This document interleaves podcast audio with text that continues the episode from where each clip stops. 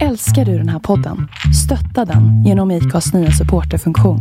Det är helt upp till dig hur mycket du vill bidra med och det finns ingen bindningstid. Klicka på länken i poddbeskrivningen för att visa din uppskattning och stötta podden. I'm Sandra, and I'm just the professional your small business was looking for. But you didn't hire me because you didn't use LinkedIn jobs. LinkedIn has professionals you can't find anywhere else, including those who aren't actively looking for a new job but might be open to the perfect role, like me. In a given month, over 70% of LinkedIn users don't visit other leading job sites. So if you're not looking on LinkedIn, you'll miss out on great candidates like Sandra. Start hiring professionals like a professional. Post your free job on linkedin.com/people today. Jewelry isn't a gift you give just once. It's a way to remind your loved one of a beautiful moment every time they see it. Blue Nile can help you find the gift that says how you feel and says it beautifully with expert guidance and a wide assortment of jewelry of the highest quality at the best price. Go to BlueNile.com and experience the convenience of shopping Blue Nile, the original online jeweler since 1999. That's BlueNile.com to find the perfect jewelry gift for any occasion. BlueNile.com.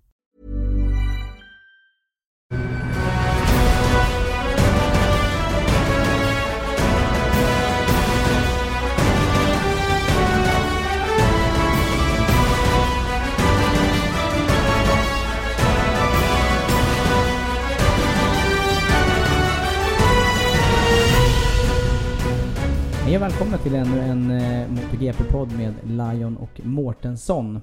Du Andreas, eh, knappt eh, nere i puls efter eh, racet på Motegi. Vad säger du egentligen om eh, avslutningen och finishen där med att Dovizioso återigen, jag ska inte säga att han lurade Marquez i sista sväng men ja. Det var, det var ju någonting Ja, väldigt likt Österrike i alla fall. det kan man säga. Det har tagit nästan tre dagar för mig att smälta det. Men, men först, hur är läget Tove? Ja men det var lite det jag var inne i, just racingläget här. Men jag kanske, du, du menar utanför också? Ja, exakt. Jo, annars är det bra faktiskt. Jag tycker det är rätt slitsamt eh, och eh, jobba de här nätterna. Eh, för det blir ju nattsändningar för vår del när vi inte har möjlighet att vara på plats på de här racen. Nej, det är, så är det. Men till nästa år så får vi försöka att vara på plats på de här tre, eller två, vilket det nu blir, så att vi slipper den här tidsomställningen. För det, ja, det är ganska slitsamt på nätterna där. Mm. Då har man bara en jetlag att att tänka på och resa iväg en vecka i förväg då i princip. Precis, Mm. exakt. Ja, det vore någonting faktiskt. Vi får hoppas att våra tittare som tittar på Viasat Motor på nätterna 01.45 natten till fredag följer oss. Mm, ja, ja, ja, definitivt. Nej, det går ju eftersändning också om man skulle missa det. Men, eh, nej men det är väl slitsamt med den biten eh, och eh, känns lite på rösten faktiskt nattetid och, och snacka de där timmarna. Det måste jag säga. Ja. Ja, det blev lite försening också i, i söndags där ju med oljeutsläppet av eh, Minio cykel som det blev lite förskjutet alltid. Vi gick ner i puls och sen fick vi gå upp igen i, Ja, puls. var, det var knappt det gick att gå upp i puls där. Det var nästan som... Det var nästan... Ja, det var, det var tungt rent eh, eh, i huvudet. Den sista natten i alla fall för min del. Ja. Men Nej, man men vaknar... anna, Man annars bra. Det gäller det är tur att man är i bra form i övrigt menar jag. Psykiskt och fysiskt. ja, nej, det är rätt. Det är rätt. Nej, jag är också... Jag är faktiskt ledig eh, veckorna här emellan så det är rätt skönt faktiskt. Jag har bara det här jobbet att fokusera på. Det är bra det. Mm, det är värre för mig som kör sju dagars vecka. Ja, precis. Tuffa veckor. Ja. Men man kom ju upp i puls i alla fall sista, sista varvet. Ja du, absolut. Jag, Eller ja, hela racet egentligen. Ja, men, men just det här eh, avslutningen. Jag, jag, jag kan inte minnas när jag såg ett sånt här eh, regnrace med den intensiteten. Och inte i det skedet av mästerskapet och just i de två i toppen. Det, eh, det var många bitar som, som jag var fascinerad av i senaste racet. Det var det, men jag tror lite har med att göra att det var regn hela helgen. Det var egentligen regndäck från FP1. Det enda som, ja, det var två stycken som åkte på slicks under hela helgen egentligen och det var Rossi och Marquez på kvalet. Annars så var det regndäck rakt igenom. Du tänker rent eh, hur förarna hade känslan för regnet och Exakt. att de, Att man hur har- hårt de vågar ladda. De har byggt upp det här liksom under en, ja, både fredag, lördagen och då söndagen. Eh, och att det kan hjälpa till att få till den här känslan som de två hade. Mm, jo, det blir ju till slut det, det naturliga. Jag har ett personligt minne faktiskt från en, ett 24 timmars lopp på spa. Då regnade det faktiskt från, från vi lämnade Stockholm tills vi var hemma igen 10 dagar senare. Nonstop. Och inklusive de här, alla träningar, hela 24 timmar. Och det, det, ju, det blev ju det naturliga till slut. Ja, ja. På en annan nivå såklart, men ändå. Men när såg vi senast en hel MotoGP-helg som är blöt? Alltså hel MotoGP-helg. Nej, Det måste vara ett tag sedan. det måste också vara ett tag sedan här. Nu får vi, det, det här är ju ingenting vi har forskat i så att eh, det, det ligger så långt bak så att jag minns inte heller det riktigt. Nej, länge sedan är det i alla fall. Ja. Det är inte ofta det är sånt skitväder som det faktiskt var i Japan. Nej, det blir många faktorer i alla fall som eh, förarna ska ta hänsyn till där i, eh, under racet. Och jag tänker också på inledningen av loppet där med, med bristen på sikt. Och det känns ju rätt chansartat inledningsvis. Ja, visst gör det det. Inte, inte farligt på det sättet men chansartat. Precis som du säger. Väldigt lätt att missbedöma en inbromsning eller en acceleration eller vad som helst. En omkörning. Väldigt, väldigt risky. Kunde du se det här komma då? Under racet? Att det skulle bli de två som eh, hamnade där i, i slutet på loppet. Dovizioso och Marquez. Mm. Eh, inför racet så trodde jag ju att det skulle stå mellan Repsol Honda och Ducati. Det var, det var de två teamen och, och Petrosa räknade vi ju bort redan på griden egentligen för att det regnade för mycket för att eh, det ska passa honom när det är så pass. Och då, då var det Lorenzo Dovizioso och Marquez som jag trodde. Lorenzo av någon anledning fick det inte att stämma. Och då tänker jag på att det gick så bra för honom i Misano de varven han körde och var så lysande snabb som han var. Men det, det funkar inte alls. Han, enligt han själv att det var för blött helt enkelt. Mm. Ja, och det krävs ju... Det, det, är en- det är en balansgång där med att trycka på lite extra och, och få fäste. Och är man lite för defensiv i det där läget med mycket vatten, då, då bettar inte alls. Nej, precis. Sen kunde man ju räknat ut kanske att eh, Petrucci skulle vara med i det vädret som det var med tanke på hans kval. Även fast det var i mer eller mindre torrspår med regndäck. Men han gjorde ju också ett väldigt, väldigt bra race. På Sen- det extra mjuka bakdäcket dessutom. Ja, ja, det var ju lite gambling verkar det som. Och frågan är om man skulle ha försökt att öka upp eh, luckan mer i början på racet än vad han gjorde. Om man hade möjlighet till det eller om han... Ja, Helt jag tror enkelt. han hade det. Jag tror han brände de däcken ganska omgående. Alltså, det, det är det som är konstigt att inte Pedrosa fick det att hålla bättre. Han gick in i depå liksom och bröt racet. Och han körde också på det extra mjuka bakdäcket och att det gick bättre för Petrucci som är betydligt större än vad Pedrosa är. Det är lite märkligt. Ja. Ja, svårbedömt alltså. Och det var ju även... eh, det- Det kändes ju redan inför loppet. Från det vi hade sett under träningarna här. Med eh, det här fönstret för olika förare, för olika cyklar. Om man nu tänker sig att de ville hamna rätt i eh, greppnivå. Det var, det var inte... Det var både temperatur och, och vattenmängd och det ena med det fjärde som skulle stämma. Ja, faktiskt. Nej, det var... Det var ett händelserikt race faktiskt. Riktigt händelserikt. Och att Dovizioso gjorde det så bra till slut. Det... Ja, man borde ju inte vara förvånad egentligen. Det är ju det är femte segern för hans del i år och det är andra gången han, han tar segern ur Marquez hand på något sätt. Ja, vi ska komma ihåg att han har en VM-titel tidigare. Nu är det i och för sig väldigt länge sedan. Och sen har han ganska många år varit lite i skymundan från de här absoluta toppförarna. Men, men trots det så har ju han eh, raceat och haft fighter på banan. Det, kan man ju, det får man ju inte glömma bort. Absolut inte. Sen har han, precis som du säger, inte syns lika mycket när man ligger 4, 5, 3 någonstans där. Då syns det inte lika mycket som, som det gör just nu när han, när han ja, är så pass bra och stark som han är. Jag tycker han har varit väldigt kall här i, i eh, avslutningsskedet. Eh, gäller både Österrike och sen nu den här eh, avslutningen i Motegi.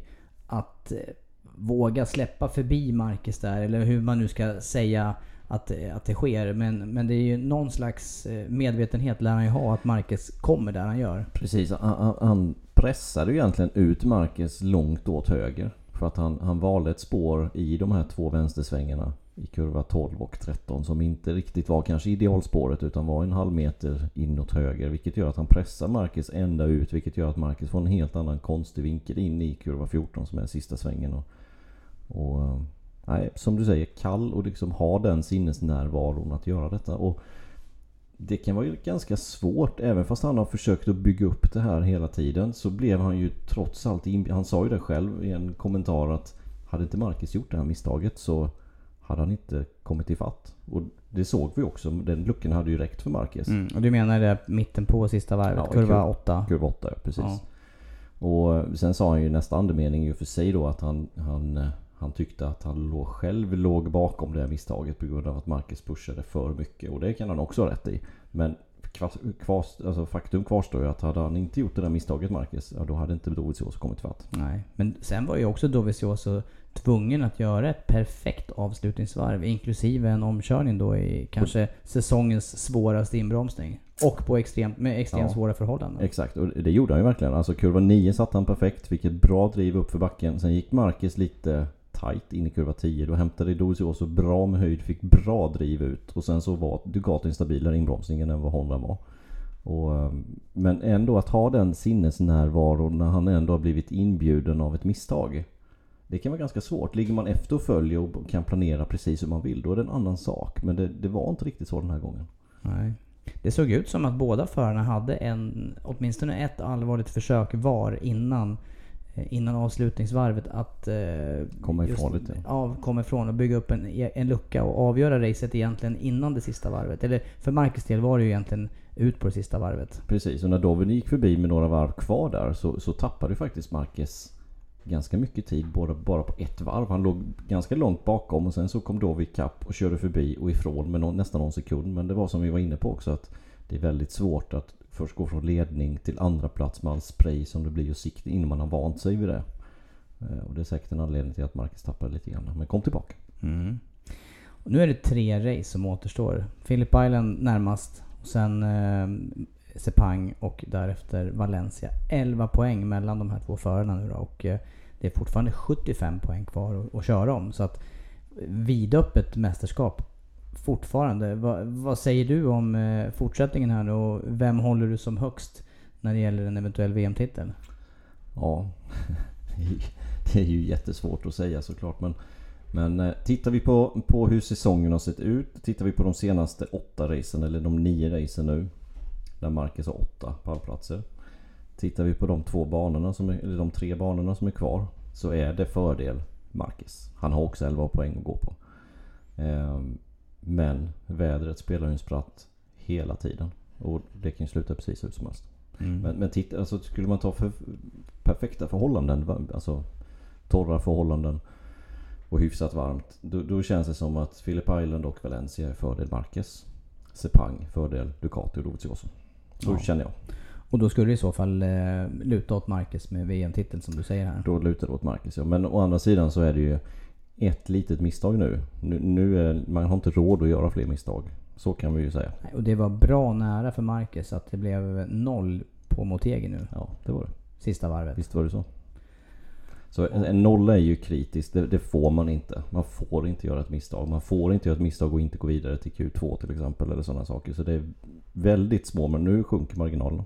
Mm. Ja, jag är väldigt, väldigt spänd på de här sista racehelgerna i alla fall. Och, eh, det är roligt att mästerskapet eh, går hela vägen in i kaklet. För det är så det verkligen känns just nu i alla fall. Jag tycker det är synd dock att vi inte har med Vinales där uppe faktiskt. Eh, Han hade chansen dock. Men nu är han ju för långt bak efter det här bedrövliga racet han hade i, i Motegi. Ja, det är nästan så att vi inte har nämnt honom eh, av den anledningen. 41 poäng bakom, eller hur är det nu? Ja, 41 bakom. Ja, precis. Mm. Mm. Och sen har ju dessutom eh, Pedrosa och eh, Rossi då tappat helt och hållet med tanke på att de, den ena bröt och den andra kraschade. Ja, exakt. Nej, så de, de är ju borta och... Eh, nej, det är Vinales där med 41 poäng. Det blir, det blir tufft att ta igen.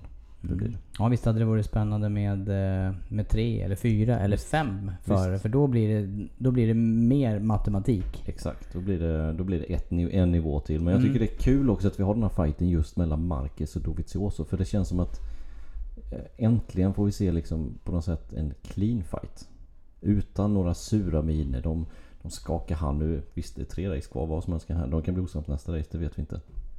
Men, men att det ändå är glada miner på något sätt. Det är schysst racing. Det var en omkörning som Marcus gjorde som var på gränsen in i kurva 3 liksom. Där han, han eh, ja, bestämde sig i sista sekund och då, då vi fick resa upp. Men annars var det liksom clean omkörningar. Ingen kontakt och snygg racing. Mm. Ja, då var, om man tittar tillbaka i somras här så var ju inte Dovizioso helt nöjd efter avslutningssvängen i, i Österrike. Nej men det var mer i stridens hetta det Kanske, där. Det var kanske liksom- la sig fort. Ja, precis. Det la sig fort det där. Och det är samma sak nu. Det var ju nästan en identisk avslutning i, i Motegi som det var i Österrike. Men det är fortfarande inga sura miner. De är, de är liksom ja, mycket mer positiva på något sätt. Och det, jag, jag tycker det är skönt. Speciellt efter vad som hände då för två år sedan. Mm. Eh, Det, det tycker jag hänger kvar liksom lite som ett surt moln på något sätt. Och sen så livas det upp igen och kommer fram till ytan här i Misano när när de hjulade när Marcus gick omkull till exempel. Och då kommer det tillbaka där men jag tycker det är skönt ändå att Ja. det är en clean fight. ja. Och du menar naturligtvis eh, händelsen då mellan Rossi och eh, Marquez på ja, Sepang? Ja exakt. Rossi, Marquez och Lorenzo. Den incidenten eller vad man ska säga då under avslutningen av 2015. Mm. Ja, vi har en spännande fortsättning de tre race som återstår. Och sen övriga nyheter då inför eh, kommande helg här. Tänker på dels, eh, vi spekulerar en hel del kring ersättningsförare hos eh, Tektroa. Nu visar det sig att det blir eh, en australier i, i, i förarsätet höll jag på att säga, men i sadeln. Ja det blir ju Brock Park som kommer ta den styrningen. Ja. Det är jättekul för honom. Köra endurance-VM för Yamaha och få hoppa in i, i Australien. Eh, men ja, han har inte framtiden för sig direkt. Nej, nej. Jag tror att för min del hade de gärna kunnat få ta Nozan ett race till där och sen eh, eh, kört med, eh, med van der Mark. I Sepang Ja. Mm. Men han, jag tror han skadade sig i Nozane. Han eh, bröt något ben i handen där efter sin eh, krasch under FB4 och ja, kom inte så riktigt rättvis. Och sen kraschade han igen på racet ju. Mm, stämmer. Men han gjorde ju faktiskt riktigt, riktigt bra ifrån sig. Ja det gjorde han. Han gjorde säkert, eh, han öppnade nog upp ett par ögon Mm. där i, i MotoGP depån. Det är jag helt säker på också. Han kan mycket väl vara, vara en tänkt styrning för Textra-teamet i, i framtiden. Mm. Det är inte alls omöjligt. För det, han är ju bara 21 år gammal ska vi komma ihåg. Till skillnad på Nakasuga som är 36. Han har ju inte heller framtiden för sig direkt. Nej. Hey, I'm Ryan Reynolds. At Mint Mobile, we like to do the opposite of what Big Wireless does. They charge you a lot, we charge you a little. So naturally, when they announced they'd be raising their prices due to inflation, we decided to deflate our prices due to not hating you. That's right. We're cutting the price of Mint Unlimited from $30 a month to just $15 a month. Give it a try at mintmobile.com slash switch. $45 upfront for three months plus taxes and fees. Promo rate for new customers for limited time. Unlimited more than 40 gigabytes per month. Slows. Full terms at mintmobile.com.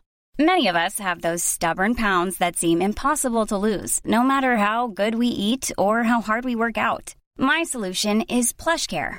PlushCare is a leading telehealth provider with doctors who are there for you day and night to partner with you in your weight loss journey. They can prescribe FDA-approved weight loss medications like Wagovi and Zepbound for those who qualify.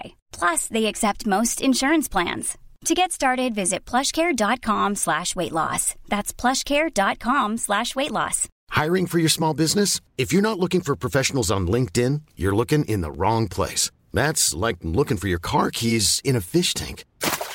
LinkedIn helps you hire professionals you can't find anywhere else, even those who aren't actively searching for a new job but might be open to the perfect role. In a given month, over 70% of LinkedIn users don't even visit other leading job sites. So start looking in the right place. With LinkedIn, you can hire professionals like a professional. Post your free job on linkedin.com slash people today.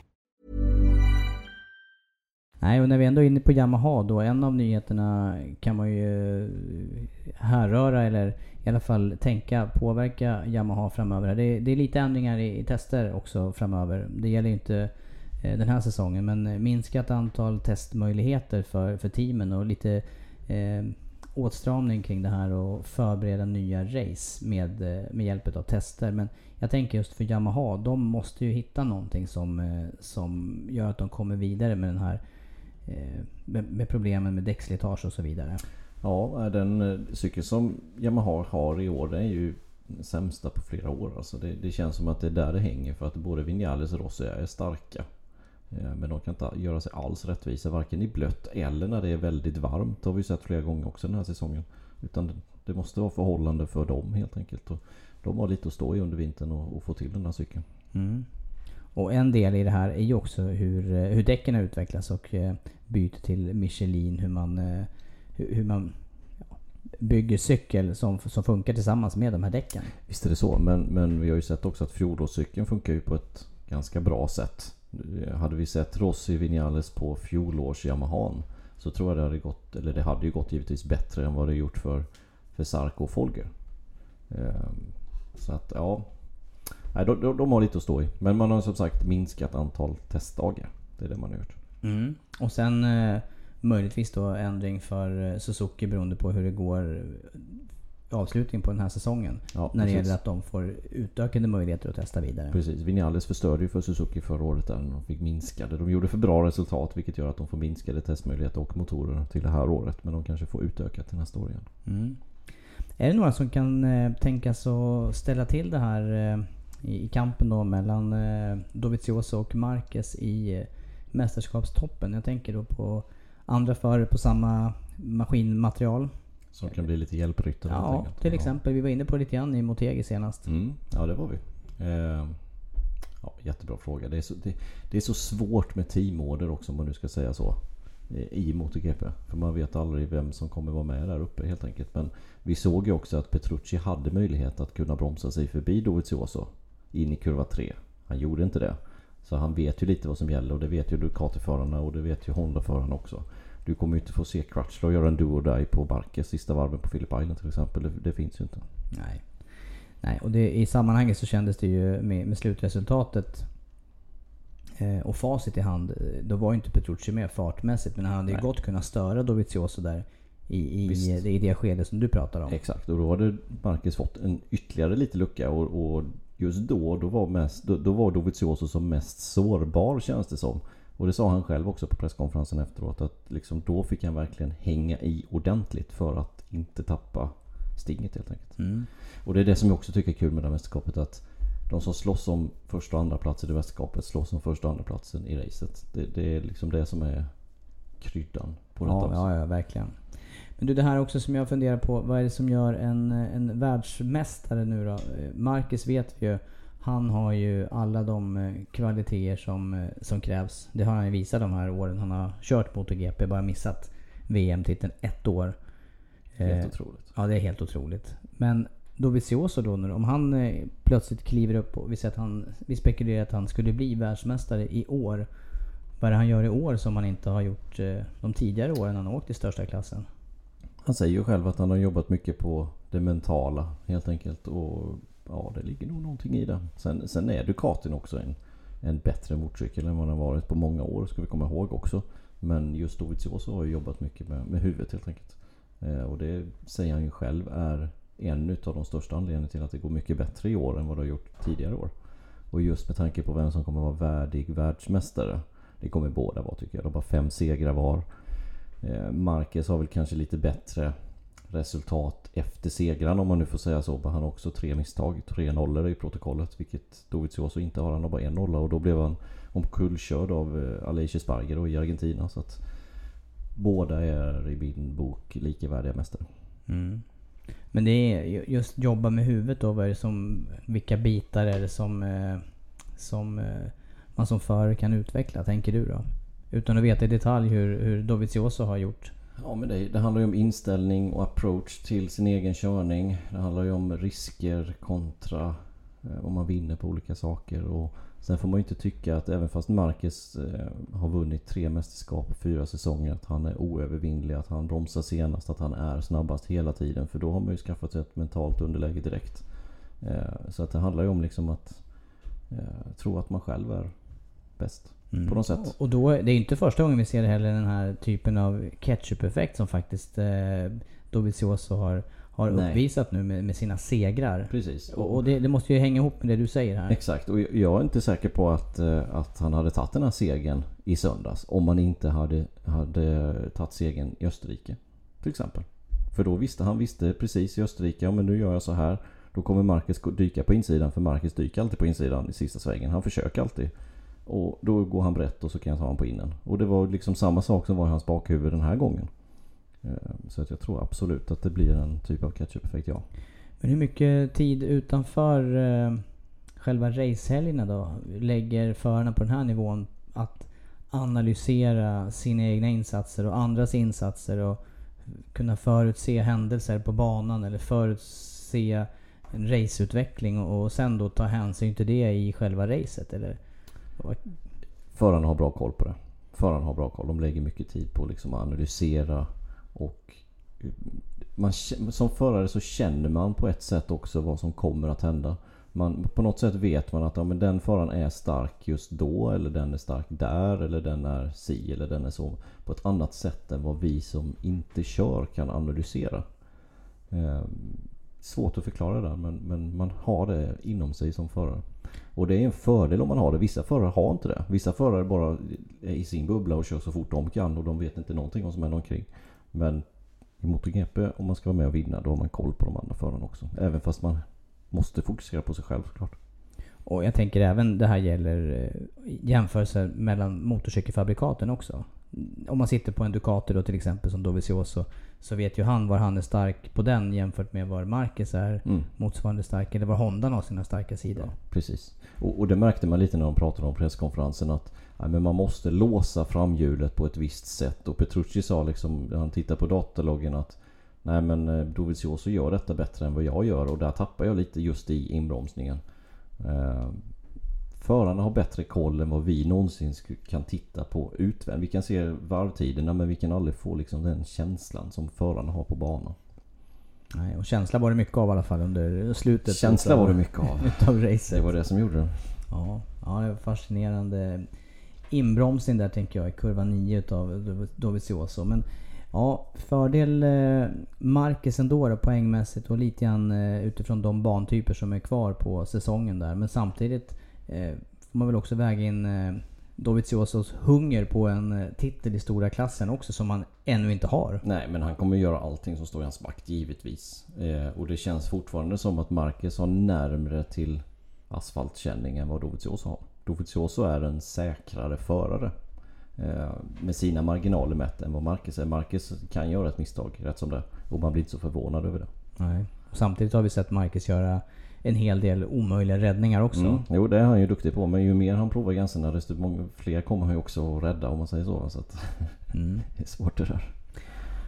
Ja, eh, annan typ av eh, bana, en helt annan bankaraktär nu kommande helg än Motegi som var start och stopp. Eh, Phillip Island, snabb, flytande, eh, högfartsbana hela varvet runt i princip. Det är något enstaka undantag där, Honda Hairpin och, och sen så nerför eh, backen där nerför Lucky Heights och in i sista högen på varvet. Ja, exakt. Eh, det är en väldigt spännande bana och vädret blir alltid en faktor där när det är vår i Australien. Och, eh, jag tittade precis på väderprognosen. Det, det har varit fint nu. Jag följer förarna på sociala medier. De har varit ute och gjort det ena med det tredje och cyklat. Och det har varit klarblå himmel och kaffe ut med vägkanten och allt vad det har varit. Eh, men det kommer bli sämre. Det kommer bli runt 12-13 grader. Risk för regn alla tre dagarna. Mulet, hård vind. Det kommer bli lömska förhållanden. Och den här vinden är inte att leka Nej, med vinden heller. är inte att leka med på Phillip Island när det går så pass fort som det gör också. Så att det kommer bli ett problem. Eh, Men även också att, att det bara är kanske 12-13 grader och ingen sol som ligger på. Det blir låga asfaltstemperaturer, svårt att få upp tempen i däcken. kommer komma konstigt däckslitage. Vi vet att eh, banan fick en ny asfalt för ett par tre år sedan. Samma sak där. kommer bli svårt med däcken. Kommer säkert få se många vurpor som beror på kalla däck. Jag är helt säker på. Eh, I alla fall i de lägre klasserna. Eh, så det kommer bli en, en speciell helg. Mm. Där finns ju som sagt var inte heller de här bromspartierna på varvet och öka på tempen i däcken av den anledningen. Nej, inte på det sättet gör det inte det. Utan det är ju flowet i banan helt enkelt. Jag hade ju förmånen att vara där i, i februari på Super-VM och det är ju en...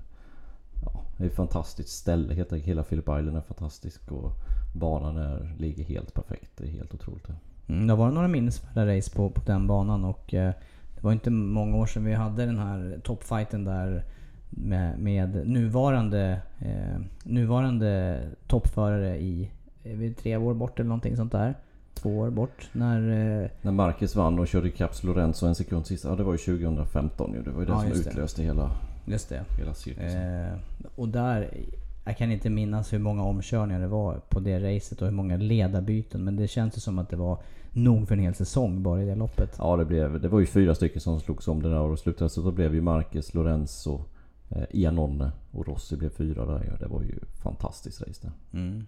Jag hoppas vi får se något liknande på söndag klockan sju. Ja, jag med. Då kan du hjälpa till också att hålla, hålla energinivån uppe där under nattimmarna. Tidiga morgontimmarna. Jag ska försöka. Nu är det ju så här Tobias att jag har ju glömt mina papper. Så jag vet inte hur vi tippade. Kommer du ihåg hur du tippade mot EG-racet? Nej, jag tror vi får summera det här till, eh, till sändningarna i helgen. Jag tror vi får ge oss till tåls. Jag kommer... Nej, jag kommer inte ihåg faktiskt. Nej, det gör jag inte. Det, det låter ju konstigt kanske, men... eh, Jag tror du hade Marcus I pole tror jag. Marcus i pool hade vi båda. Där misslyckades vi båda ju. Men sen så- tror jag du hade Marcus etta. Dovizioso. Eller ifall jag hade Rossi tvåa och Dovizioso trea. Ja, vi får kolla på det. här. Jag tror att det blev 0-0 faktiskt. Jag tror inte vi tog någon poäng alls. Varken du och jag. Jag tippade ju? Lorenzo i, som segrare och så blev det ju inte. Vill du göra en ny tippning då? Utan precis, papper? Precis, utan papper så ska vi göra en tippning inför... Från papperslöse eh, Andreas Mårtensson. Ja, Kan vi vara säkra på att du är du? precis. Ehm, Philip Island. Du får börja. Ja vad schysst. jag brukar, Nej okej, jag börjar då. brukar få lite betänketid Ja, nej, men jag börjar. Ehm, Marcus vinner. Och tar pole position. Han har missat pole nu några gånger. Han är sugen på en ny pole position. Han kommer vinna också. Ehm, sen tror jag det är dags för um, Vinales att bli två. Och Dovizioso bli tre. Mm. Ja det är, det är ju så svårt det här. Det är ju så svårt tycker jag. Det är alltid svårt och vi Ja, har inte prickat någon svårt. gång. Nej och det är särskilt svårt Och det finns, det finns typ fem att välja på egentligen om man ska... Mm, Ja, det var det ju Petrucci visserligen då som blev tre då. Mm. Ja, jag måste ha med Marcus på pallen och jag måste ha med... Eh, eh, ja, jag, jag, jag, vill ha lite önsketippning också. Jag, jag skulle ju hopp, önska att Rossi kunde avsluta starkt den här säsongen och att han skulle vara med på pallen också. Marcus Rossi och... Eh, det, det här kanske är samma pall som jag sa på Motegi. Och det är märkligt om en helt annan bana. Marcus, Marcus Rossi. Rossi Dovizioso. Mm. Ja. Och jag säger Marcus Vinales Dovizioso. ja, det är i alla fall samma fabrikat där i den ordningen. Precis. Så gör vi. Och Paul, sa du någonting om det då? Marcus. Du sa Marcus och Paul. Mm. Mm. Ja, jag drar till med... Eh, Dovizioso då. Det skulle bli hans första pole position den här Ja, säsongen. då får vi det på en bana där han inte ens... där inte ens är stark. Nej, det, blir, det här var en Ja. högoddsare känner jag. Jag, måste, jag, jag, jag säger att det är pengar på spel. Att jag kan, eh, att jag kan dra in storkovan på den där Mm. satsningen. Det kan du säkert. Ja.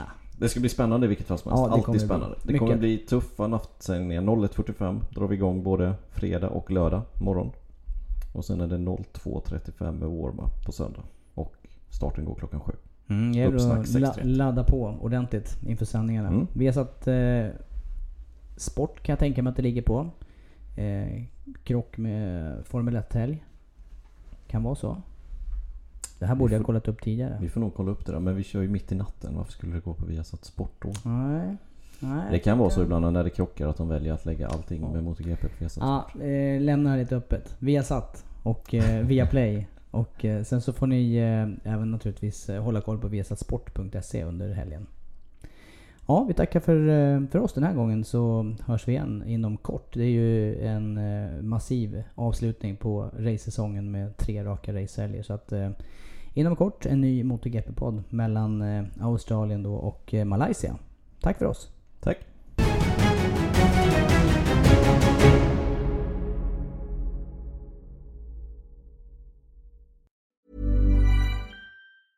Mom deserves the best, and there's no better place to shop for Mother's Day than Whole Foods Market. They're your destination for unbeatable savings, from premium gifts to show-stopping flowers and irresistible desserts. Start by saving 33% with Prime on all body care and candles. Then get a 15-stem bunch of tulips for just $9.99 each with Prime. Round out Mom's menu with festive rosé, irresistible berry chantilly cake, and more special treats. Come celebrate Mother's Day at Whole Foods Market. Mom deserves the best, and there's no better place to shop for Mother's Day than Whole Foods Market. They're your destination for unbeatable savings, from premium gifts to show-stopping flowers and irresistible desserts. Start by saving 33% with Prime on all body care and candles. Then get a 15-stem bunch of tulips for just $9.99 each with Prime. Round out Mom's menu with festive rosé, irresistible berry chantilly cake, and more special treats. Come celebrate Mother's Day at Whole Foods Market. Target.